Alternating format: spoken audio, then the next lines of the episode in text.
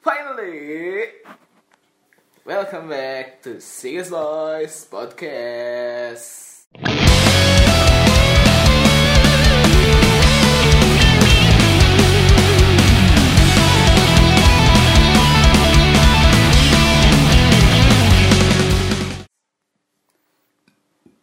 Today we gonna Akhirnya kita kembali lagi.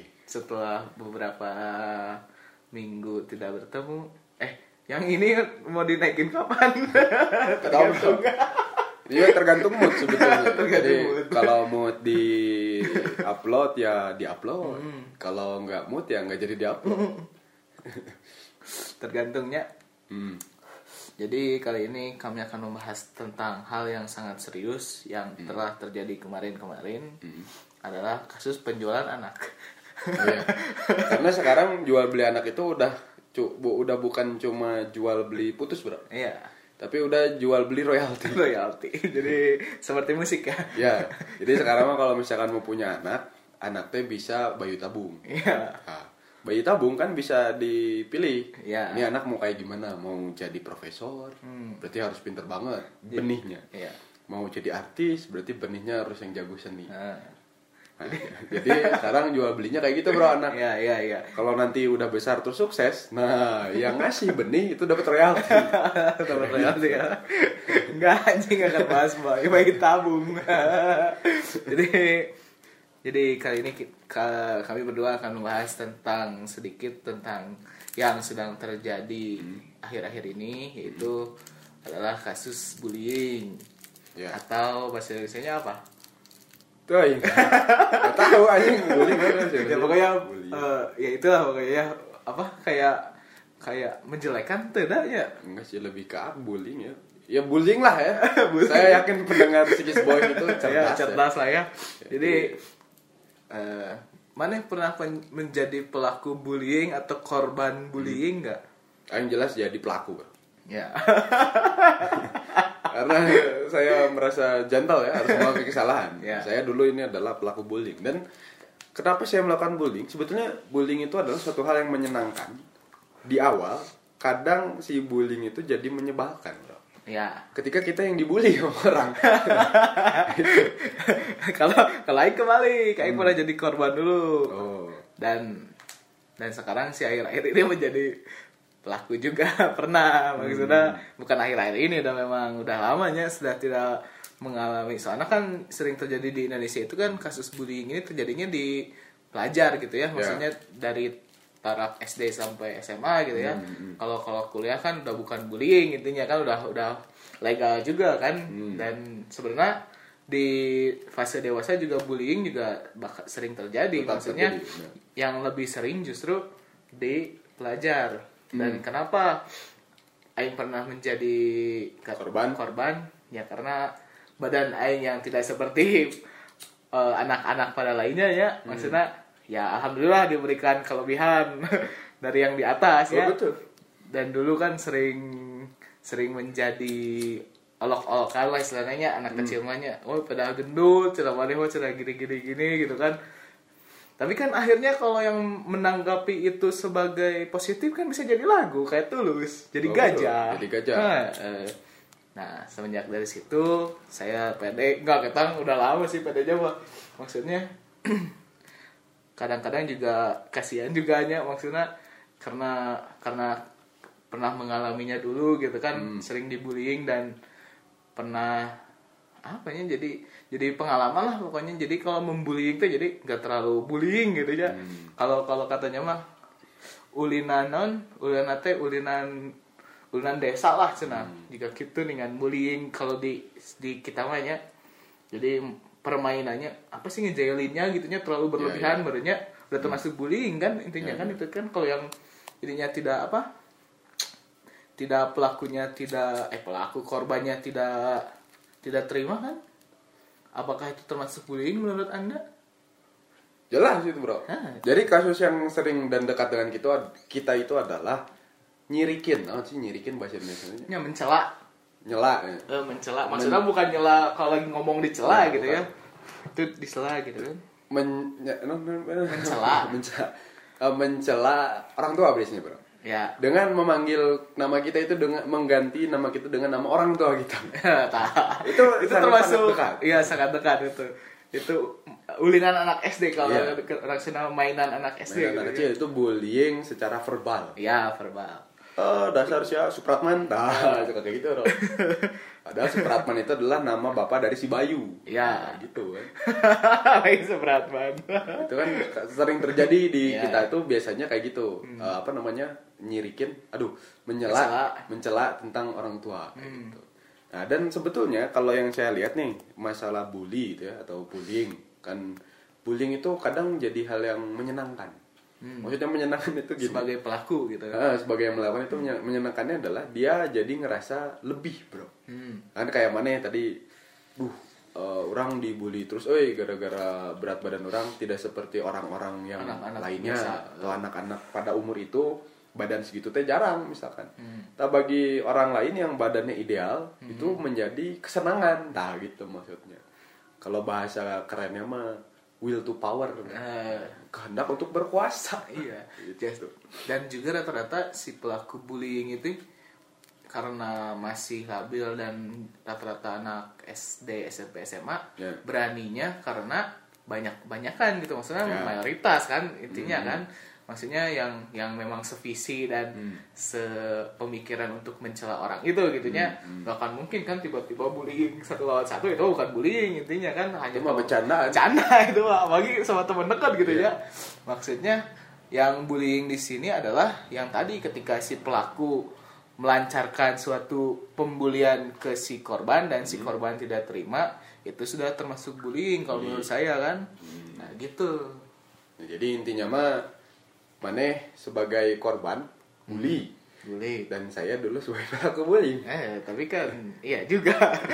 Maksudnya kan ya gara-gara itu dan gara-gara wah cina ini mah ya, rata-rata sih bukan yang yang beda dari si apa si si sekitar gitu non behavior. Ah eh, yang sekarang rata-rata yang itu yang dibully gitu kan misalkan yang nerd gitunya nerd teh. Ya, Itu buku lah. Oh, gitu. kutu buku yang gak pernah ngobrol dan lain-lain. Jadi kan setidaknya itu istilahnya ya kita ah kenapa sih sih itu teh maksudnya maksudnya kan kalau kalau saya membuli itu kan meh maksudnya meh kenal atau meh Hmm, apa kan ada ada ada maksud itu tapi kan si si korban tidak Ya. itu kan tidak menerima itu kan Iya, karena kan si ruang lingkup masyarakatnya luas ya. Hmm. Ya maksudnya ketika tadi mana bilang kalau ketika ngebully teh pasti orang-orang inferior. Ya. Wah, anu nerd, anu dorks, anu nih? yang nggak pernah ngobrol Iya, yang gitu kan pendiam gitu kan. punya teman Yang apa? Kalau aktif teh apa sih disebutnya?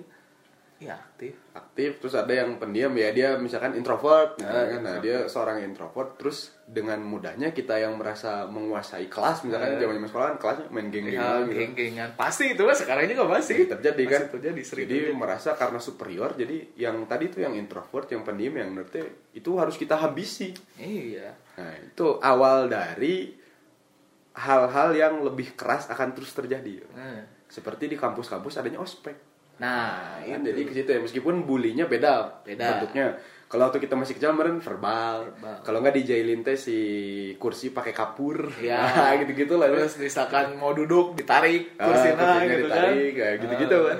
Bentuk-bentuk jahil sebetulnya ya. Iya, kalau kita sih kalau- menganggapnya jahil karena kita di fase permainan ya, maksudnya Hmm.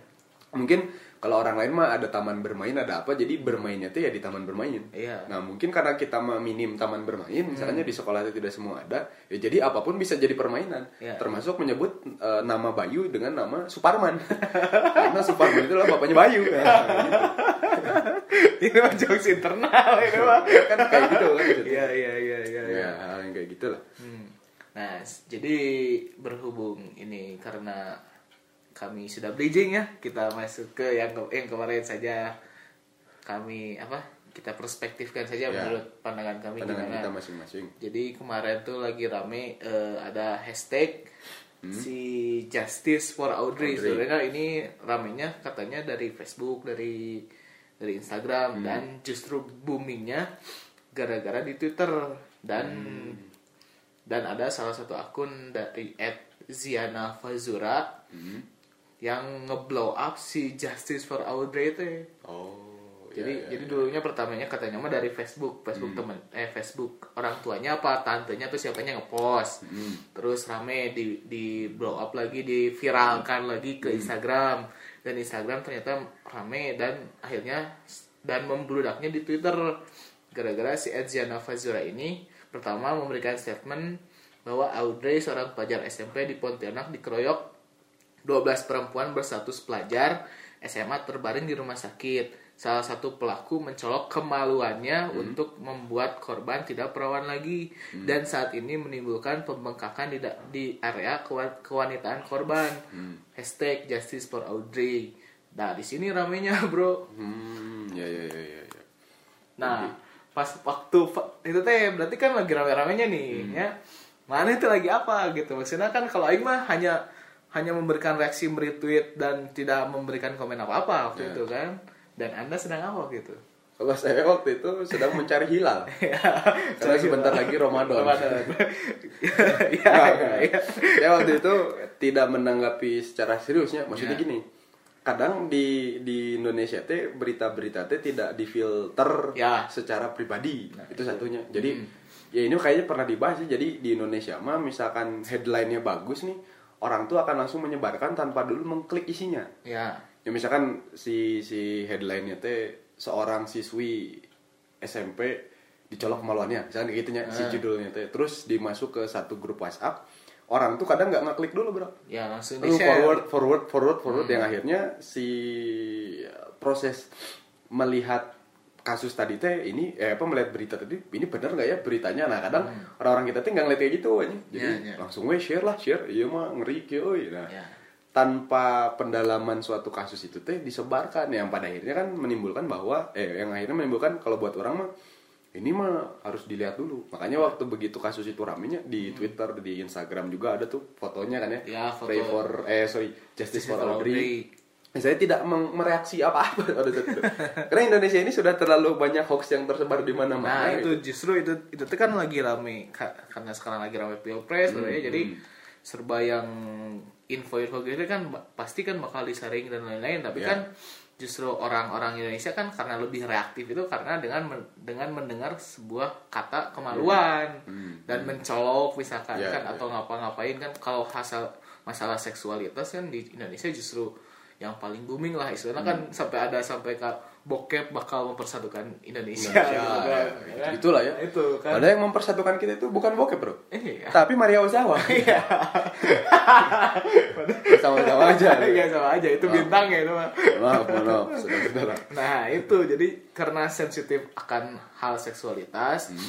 dan lain-lain jadi lebih sering jadi gampang booming istilahnya kan Ya. dan lain-lain kan. So, Ya, itu juga kelihatan sih bro. Maksudnya gini kayak misalkan film ya kenapa dulu film horor di kita harus ada adegan-adegan Hmm. Adegan panas sure, misalkan iya. ya mungkin karena memang yang diinginkan oleh penonton-penonton Indonesia adalah adegan-adegan yang tidak ada di televisi. Nah, nah jadi dia cari di acara horor eh di film-film horor. Eh, Oke, tapi yang menariknya dari kasus Audrey itu adalah buat saya maksudnya si Audrey tadi nggak bisa juga kemudian kita bela mati-matian. hmm, Kasusnya kayak posisi Jessica, Jessica ini Jessica Sianida Sianida dulu. bukan Jessica Iskandar atau Jessica. Jessica Mila. Ya, Jessica Mila saya suka. Iya, saya juga suka. Nah, jadi posisinya itu nggak kemudian bisa langsung kita justifikasi bahwa wah ini yang salah adalah 12 orang yang mengeroyok Ya. si Audrey gitu. Nah, Hmm. Gak bisa kayak itu kenapa? Karena dua-duanya adalah pelajar itu satu. Buat saya maksudnya nggak nggak nggak nggak harus juga kemudian di penjara misalnya. Ya. Karena kan yang namanya manusia kalau dapat tekanan biasanya buyar tuh. Hmm. Pikiran-pikiran ya kebayang nih misalnya anak-anak SMA tadi mau UN. Meskipun saya nggak tahu ya mereka kelas berapa. Bayangin aja mereka mau UN. Terus cuma gara-gara kasus ini mereka nggak lulus misalkan bro. Hmm. Kan jadi faktor ini ya yang yang apa, Jadi. panjang gitu Ah. kan. Yang cuma gara-gara kasus yang masih harus kita pertanyakan. Udah terlanjur viral. Ya. Ya kan kasusnya kayak misalkan Bayu punya bapak nih. Suparman tadi nih kan. Nah, Suparman tadi tiba-tiba diganti namanya. Hmm. Babe si Adi mah lain su eh Babe si Bayu mah lain Suparman, Bro. Tapi Sutedi misalnya. Nah, Nah, sebelum diverifikasi ke si Bayu kalau nama bapaknya itu siapa, itu sudah disebarkan. Iya. Dan nantinya adalah orang-orang tahu kalau bapaknya eh kalau Bayu itu adalah bukan anak kandung dari Pak Suparman. Nah, kan kayak gitu lagi. Iya. jadi gitu. sebetulnya jangan terlalu bereaksi apa apanya kan Hmm. ini kasus ini kan sebelumnya kan justru rame dan viral ada ada hashtag sampai sampai sampai yang lebih rame kan sampai influencer gitu Ya, kan ya ya. dan lain-lain hanya apakah dan itu hanya apakah si influencer itu hanya mencari panggung Ya. misalkan kan dan lain-lain bisa saya dimanfaatkan oleh salah satu oknum gitu kan Ya, Misalnya, jadi. jangan oknum maksudnya ya itulah pelaku itulah yang Hmm. yang salah dan makanya kalau misalkan hal-hal yang naik istilah nah bukan apa sih namanya teh sensitif kayak gini. Dan lain-lain ya harus benar-benar diverifikasi dan Hmm. me- memang harus dikawal maksudnya kan kasus-kasus gini kan. Tapi kan akhirnya setelah beberapa waktu kan sampai ada si yang apa yang si KPAI apa sih Komisi Perlindungan Anak Anak. Indonesia yang dari sananya dari Pontianak kan itu dari Pontianak. Si teh justru mela- melaporkan balik sama si siapa? Si yang tadi pem- eh, penyebar tadi Penyebar yang di. Twitter sampai sampai malah di apa dilaporkan ke polisi gara-gara bisa jadi jadi pencemaran nama baik ke si pelaku itunya kan ke 12 orang ya ke 12 orang dikabarkan melakukan kekerasan seksual dan sebagainya. dan ternyata kan akhirnya setelah beberapa hari kemudian kan kasusnya semakin intens di dicari dan hasil visum pun kan akhirnya kan Membuktikan, ketahuan ya. membuktikannya bahwa tidak tidak sampai segitunya gitunya Hmm. akhirnya kan jadi bisa bisa malah dituntut balik kan gara-gara menyebarkan berita yang tidak betul Tidak kan benar. Iya. dan apakah si yang tadi influencer dengan itu non men- dengan memakai hashtag dan sampai mendatangi beliau Hmm. apakah malu nggak kalau Nah, itu. malu jadi jadi malu Jadi ini saya mau agak sedikit serius. Pak. ya ya ya ya siap siap siap Jadi ini kalau misalkan dilihat dari membaca suatu hal yang timbul, Hmm. masyarakat kita itu kadang langsung percaya dengan apa yang timbul. Hmm. Maksudnya gini, kayak misalkan dulu zaman dulu kalau kata gereja bahwa bumi itu datar, semua orang percaya hingga akhirnya pelayaran orang-orang Portugis dan Spanyol itu membuktikan bahwa sebetulnya bumi itu bulat. Hmm. Baru semua orang percaya kalau bumi itu bulat. Nah, ngelihat fenomena kayak gitu manusia tuh kadang eh orang-orang kita ya, ini secara khususnya kadang ngelihat suatu fenomena itu yang kelihatan langsung aja dulu. Hmm. Tapi tidak dibiarkan yang kelihatan itu timbul gitu loh. Ya kayak misalkan tadi ketika dijustifikasi ketika semua orang rame untuk justice for Audrey, semua orang itu berbicara bahwa justice for Audrey. Audrey. Sama saya malah diplesetin bro waktu itu. Justice for all. And Justice for All salah satu album dari Metallica yang Iya. saya upload. Jadi ketika orang-orang semua ngupload Justice for, Justice for Audrey, saya malah ngeramein kasus itu dengan titik titik titik titik and justice for all. Maksudnya apa? Maksudnya justice itu harus dirasakan oleh keduanya. Ya. Kan secara moralnya di masyarakat Indonesia mah kalau yang namanya kekerasan teh itu tidak baik ya yang namanya melukai apalagi organ intim seseorang itu tidak baik dan lain sebagainya lah yang bagi para moralis-moralis adalah untuk menyelesaikan suatu kasus itu melalui jalur hukum. Hmm. nah yang jadi pertanyaan baru adalah emangnya pelajar itu harus dipenjara bro? Gitu loh. Terus apa guna BP apa guna BK gitu kan yang harusnya sebelum masuk ke tahapan di penjara beres dulu tuh sama guru bimbingan konseling sama Ya. bimbingan apa BP tuh? Bimbingan konseling dan bimbing BP BK kan ya bimbingan konseling. Ya harusnya kan beres dulu nih sama pihak sekolah kalaupun mau secara kekeluargaan ya harusnya jangan dulu diviralkan. Nah karena sekarang kemajuan teknologi nih misalkan cepat mana hilang bro. Lain-lain. ya misalkan mana leungit ya. Jol kalau ternyata ngechat ini si Yulisar nggak pulang-pulang? Tolong dong ka- kasih tahu ke teman-teman. Oh iya bu misalkan gitunya wah itu di jenta mana itu di Instagram story. Hmm. telah hilang. Ya. Yulisar pakaian terakhir kaos hitam baju hitam bla bla Hmm. nyebar kan langsung nih. Ternyata mana itu tidak hilang bro mana itu tidur di kamar yang tidak pernah ditiduri oleh Maneh gitu. Di rumah Maneh itu ada satu kamar kosong yang nggak pernah Maneh tidur nah kan jadi ngeramein orang lain dan ternyata tidak berefek apa pun kan? Iya. karena sebetulnya Maneh tidak hilang gitu. Nah, yang ditakutkan adalah berita hari ini tuh tidak terjadi tapi terlanjur disebarkan. Ya nah, itu. Kasusnya di sebelah situ kemudian. Ya, jadi harusnya kita juga harus mentelaah lagi ya, maksudnya Iya. memang harus dikawal apa-apa teh kan? Ya. Hmm. Maksudnya jangan boleh sih apakah diverifikasi langsung Hmm. kalau misalkan kan sebelumnya kan karena karena ini justice for Audrey kan gara-gara si istilahnya Audrey-nya aja nggak mau ngomong gitu kan masalah Iya. apa-apa kan. Nah, itu Iya. juga bisa bisa jadi masalah. Maksudnya kalau misalkan ada apa nih buat adik-adik atau siapa pun kalau Hmm. ada masalah apa-apa ya ngobrol gitu misalkan ke orang terdekat dulu paling dekat lah siapa lahnya ya orang tua biasanya Nah, orang tua kalau kalau misalkan ini teman lainnya sahabat atau apa cerita we dulu. Jadi kalau misalkan ada apa-apa kan sengaja ada orang yang tahu gitu kan. Kalau misalkan ke mana-mana dan lain-lain kan misalkan. bisa juga cerita ke sim simi bro itu mah bot. Terus setidaknya dia sudah bercerita Iya, iya. Atau enggak nulis diary lah. Sekarang malah biar biar kalau misalkan nggak bisa me- mengekspresikan si ada beberapa kan yang nggak bisa Iya. mengekspresikan. nggak bisa ngekspresiin di dunia nyata biasanya ke dunia maya Ya, bikin status di Facebook bikin thread kan gitu bisa ya. bikin tweet di Twitter kan bisa bikin Instagram story bisa Ya. atau pengen sekalian pansos bikin Instagram TV Ya. jadi curhat di Instagram TV 15 menit Ya. atau curhat di Facebook eh sorry di YouTube 10 jam Iya. curhat banget gue capek 10 jam Ya maksudnya adalah si yang teknologi itu kan sebenarnya bisa digunakan dengan positif kan kalau Ya. kalau kita menggunakan dengan positif kan bukan hanya untuk misalkan pamer dan lain-lain. Hmm. maksudnya kan media sosial kan diciptakan untuk pamer kan sebetulnya kan cuman ya gimana kita menyikapinya aja gitu ya kan. di situ. Nah justru itu jadi bisa bisa, jadi sebagai senjata lah istilahnya. Naon sih kalau misalkan ada apa-apa kan. Iya. jadi ya kalau walaupun ada yang sering update gitu masalah jangan disalahin lah. Soalnya kita juga memberikan hal-hal yang lain untuk kita beritahunya. Maksudnya nggak hanya sekedar sombong. Ya memang kalau kita mah sombongnya wajar gitu. Karena kita sudah terakhir sultan. Iya.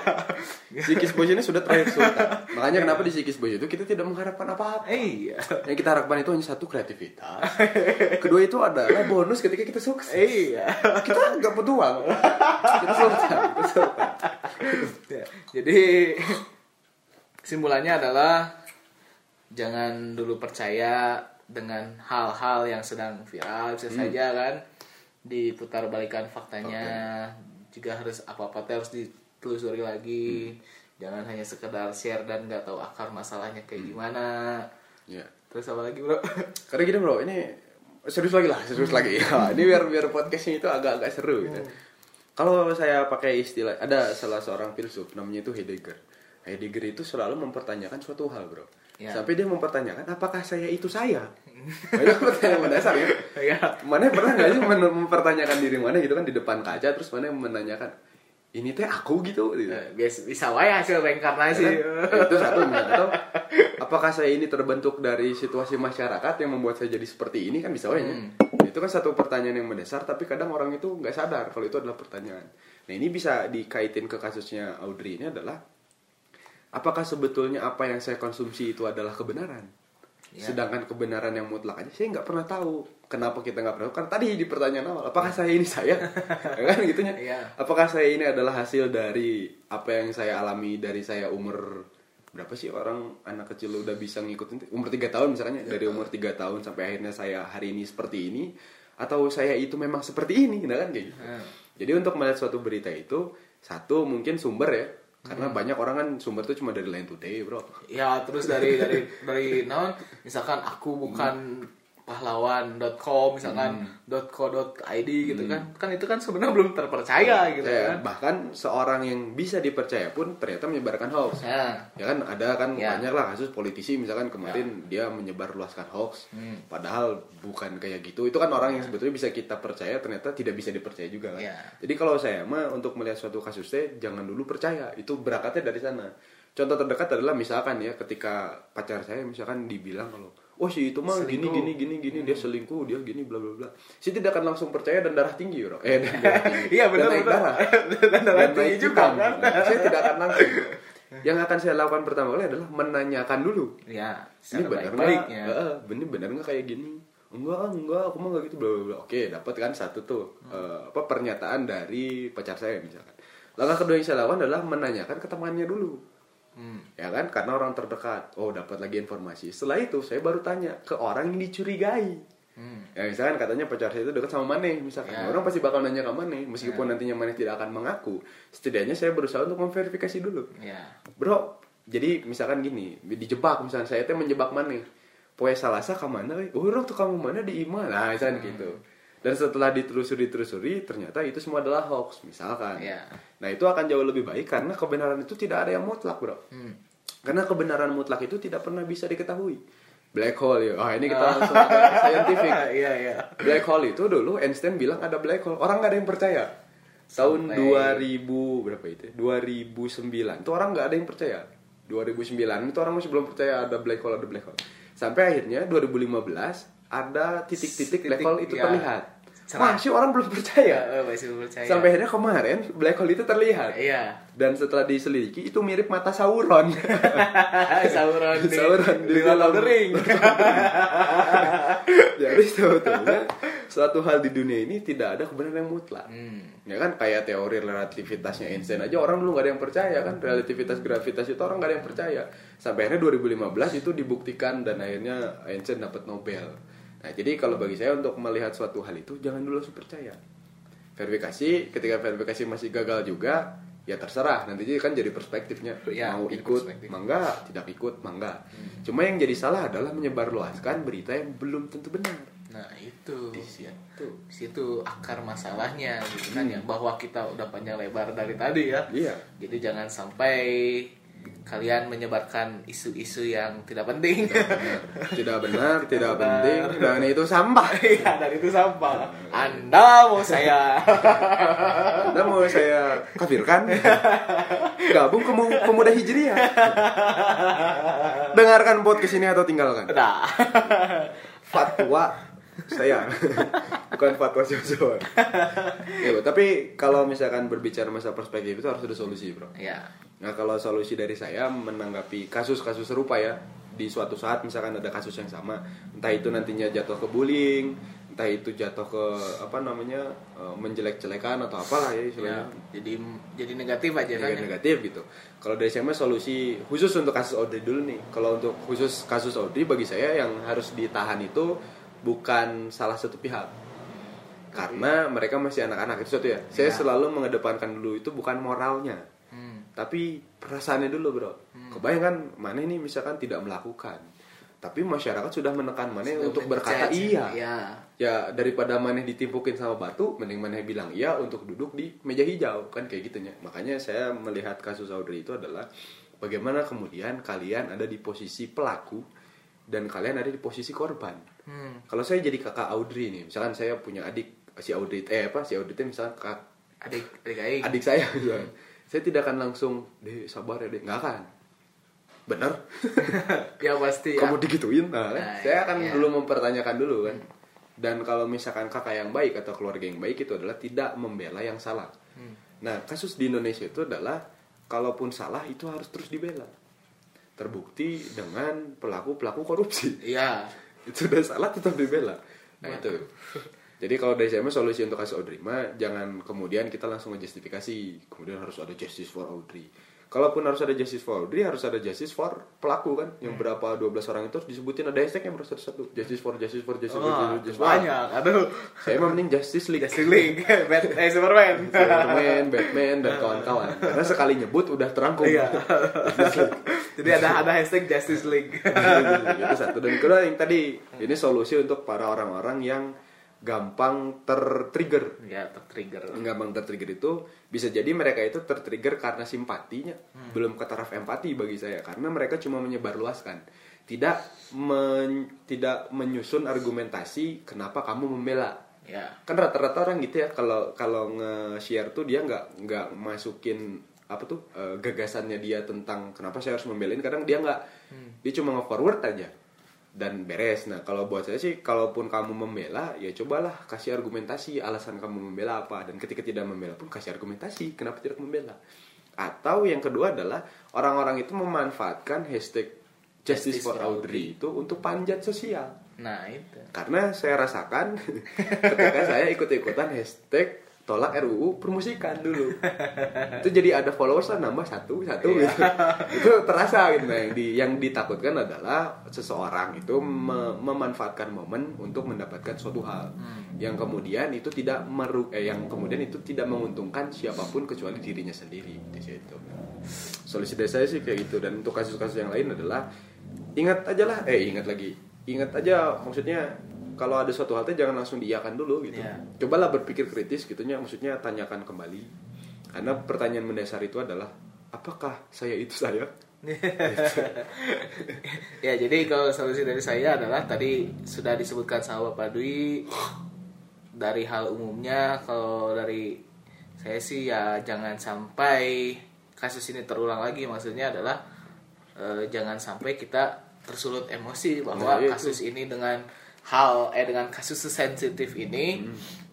kita memang harus mengawalnya dan lain-lainnya maksudnya Iya. orang-orang juga harus tahunya berita ini dan Hmm. lain-lain tapi jangan sampai orang-orang jadi terprovokasi untuk hanya ke sa- salah satu Salah kasus dan dan juga kita tidak mempelajari kasus ini lebih dalam gitu kan Hmm. jadi jadi jadi nanti ada ada seseorang atau pelaku lain yang bakal jadi tadi pansos misalkan Ya. dan lain-lain dan dan justru kan yang juga jadi merugikan si yang membuat tweet gitu Ya, kan. jadi akhirnya. jadi jadi dilaporkan dengan kasus pencemaran nama baik misalkan, sama si pelakunya. Padahal kan ternyata si dari 12 orang itu yang yang terjadi ya yang jadi pelakunya cuma tiga orang ternyata kan. Oh, setelah setelah se- sekarang-sekarang dan visum pun udah pernah udah keluar. Jadi Iya, iya. buktinya udah udah ada gitu kan. Jadi jangan jangan sampai tersulut jangan sampai inilah pokoknya jangan jangan inilah jangan emosial lah. Hmm. udah tahu orang-orang sini tehnya maksudnya sensitifnya sensitif pisan gitu ya. Iya. dengan apalagi hal-hal dengan berbau seksualitas atau agama atau apa pun gitu ya Iya. makanya kita hati-hati kalau ngomong seksualitas dan agama. Harus ada tuh. tapi kalau psikis pun bebas. Iya. Karena kita sultan. Kita sultan. Tapi ini bro tadi jadi mengingatkan ternyata memang pada dasarnya manusia itu kan punya interaksinya. Ya. nah dalam interaksi sosial itu memang ada beberapa hal-hal yang mempengaruhi. Pertama fase imitasi. Imitasi itu adalah fase-fase awal. Ketika anak kecil nggak bisa makan dikasih itu sama ibunya makan tuh pakai tangan nak nah kamu harus pakai sendok kalau makan yang berkuah bla bla bla itu imitasi. Terus nanti ada lagi tahapan identifikasi bro. Nah di identifikasi ini tuh seseorang itu akan menyerupai orang lain. Ya kalau jadi bahasa- poser lah istilahnya itu kalau poser ini mah. masuk atau bahasa mana mah keras. Ya. Keras maneh siapa sih yang dulu kita kan pernah Ya. bahas? Nah itu di fase identifikasi dan yang menyeramkan adalah di fase suges atau sugesti. Nah sugesti itu adalah seseorang itu mengikuti apa yang sedang ramai tanpa dia sadar kalau itu benar atau salah. Ya. Nah mungkin bisa jadi karena pembelajaran ilmu pengetahuan sosial di kita kan dianggap remeh ya. Ya. yang kemudian fase sugesti itu kadang orang-orang tidak memahami. Ini saya sedang tersugesti untuk ikut-ikutan suatu hal yang sebetulnya kebenarannya masih harus dipertanyakan kayak gitu. Nah, tuh saya jadi ingat itu tadi Ya, anda ya, berbicara. ya jadi paling segitu dulu episode kali ini tidak tidak ada yang ditanyakan kan Sudah cukup lah ya. sudah ya cukup ya Karena apa yang dikatakan oleh podcast ini tidak semuanya itu benar. Nah, jadi kalian bisa diverifikasi dulu. Iya, kita bisa berdebat, Iya. nggak sepakat, nggak sepaham, wajar. Iya. Karena masyarakat yang adil itu adalah masyarakat yang berani berdiskusi dan berani saling adu Nah, argumentasi. jangan tweet war doang beraninya. Iya. Jarinya jangan jangan cuma untuk menghujat orang doang. Kalau berani ngomong depan orangnya. itu kalau berani main PUBG Mobile. Kita gitu. adu jari di sana. Nah. Jangan adu jari di Twitter. Ya, jangan capeknya di Twitter mah baca-baca lah. Heeh. Lelah gitu, harus nungguin orang ngebales dulu lagi ya. Ya kan? Nanti keburu lupa. Iya, keburu lupa mau balas apa. Balas apa. Keburu dini harinya bola. Tuh. Sudah paling sekian dulu dari kami. Kalau ada yang kurang berkenan, ya urusan kalian. Kami kami, kami tidak tidak butuh peduli. maaf. Iya. Mau melaporkan kami silakan. Silakan. Karena ini adalah dunia yang bebas. Iya, iya, iya. Kalau kamu sedikit-sedikit non tadi teh eh, nama Tersulut. baik lain nama baik non Nama pencemaran nama pencemaran. baik kita juga bisa kamu pencemaran lingkungan Iya, iya, iya, iya, iya. Kami mah hanya memberikan pencemaran po- iya, suara saja suara ya. aja Suara kita mah. saja. kalian itu pencemaran lingkungan lebih berbahaya Mbak sampah anorganik. ya sudah tuh. Nanti nanti ya. semakin lama. Makin lama kami semakin tersulut Iya, karena semakin tadi tersulut. habis makan sate kambing Jadi gampang naik darah. jadi gampang naik darah Sudah sekian podcast Sikas Boys kali ini. Jangan lupa seperti biasa, udah bosan aja. ya, pokoknya dengerin aja lah episode Ya, dengerin. ini episode episode kita sebelumnya dan jangan lupa di subscribe Yes, dan yes. juga dikasih rating ya. di Apple di Podcast. Apple Podcast dan juga di Anchor dan lain-lainnya pokoknya subscribe kita dan kalau suka bantu share ke grup keluarga, grup WhatsApp keluarga, grup lain keluarga, grup lain anak SD, SMP, SMA, kuliah dan sebagainya teman kerja eh, selingkuhan dan sebagainya. Ya. Tapi jangan jangan sampai dibikin caption lainnya, soalnya ini udah ada judulnya. Ya, Jangan diganti-ganti. Nanti jadi hoax nanti kita ngomong gitunya. Sudah tuh. Terima kasih telah mendengarkan. Sampai jumpa di Sikas Boy Podcast edisi selanjutnya. Sampai jumpa. Bye bye. Bye.